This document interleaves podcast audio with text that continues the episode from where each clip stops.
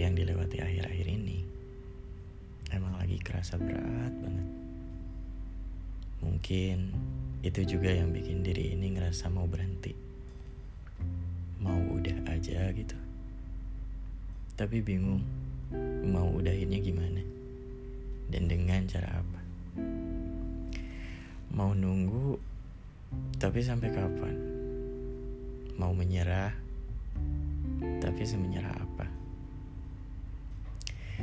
Segala permasalahan ini semuanya hanya karena kita terlalu berekspektasi sama seseorang.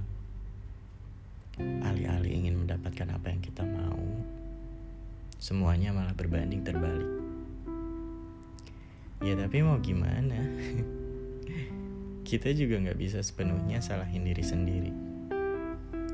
Mau semenyebalkan apa pertemuannya, pasti punya sisi kayak kita berharap banget nih sama orang itu. Walau entah apa pun pengharapannya.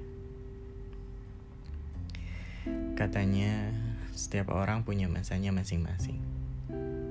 Tapi pernah gak sih berpikir kayak, kok secepat itu? ya walaupun semua orang bisa datang dan pergi kapan pun mereka mau. Tapi kadang semakin sering ketemu siklus itu semakin mikir kayak emang gue sebegitu nggak pantasnya ya? Emang salah gue di mana? Ya minimal kalau misal ada ke nggak cocokan bisa diomongin baik-baik dulu nggak sih? Biar nggak ada yang ngerasa jadi korban akhirnya. Kadang seringnya kita emang nggak sadar kayak kita udah ngasih trauma ke orang lain Padahal komunikasi itu perlu banget. Hal yang menurut kita biasa bisa jadi nggak biasa bagi orang lain. Sama halnya kayak ada orang yang kita suka, tapi bukan berarti kita nggak tahu kalau dia sebenarnya nggak tertarik sama kita, dan kita memilih bertahan hanya karena takut kehilangan aja. Ya, ada baiknya ketika udah tahu kalau dia emang nggak bisa, dengan atau tanpa dia bilang, lebih baik berhenti. Walau harus ngerasain sakit dan terbiasa untuk kembali menjadi asing, perasaan itu nantinya akan rilis dengan sendirinya kok.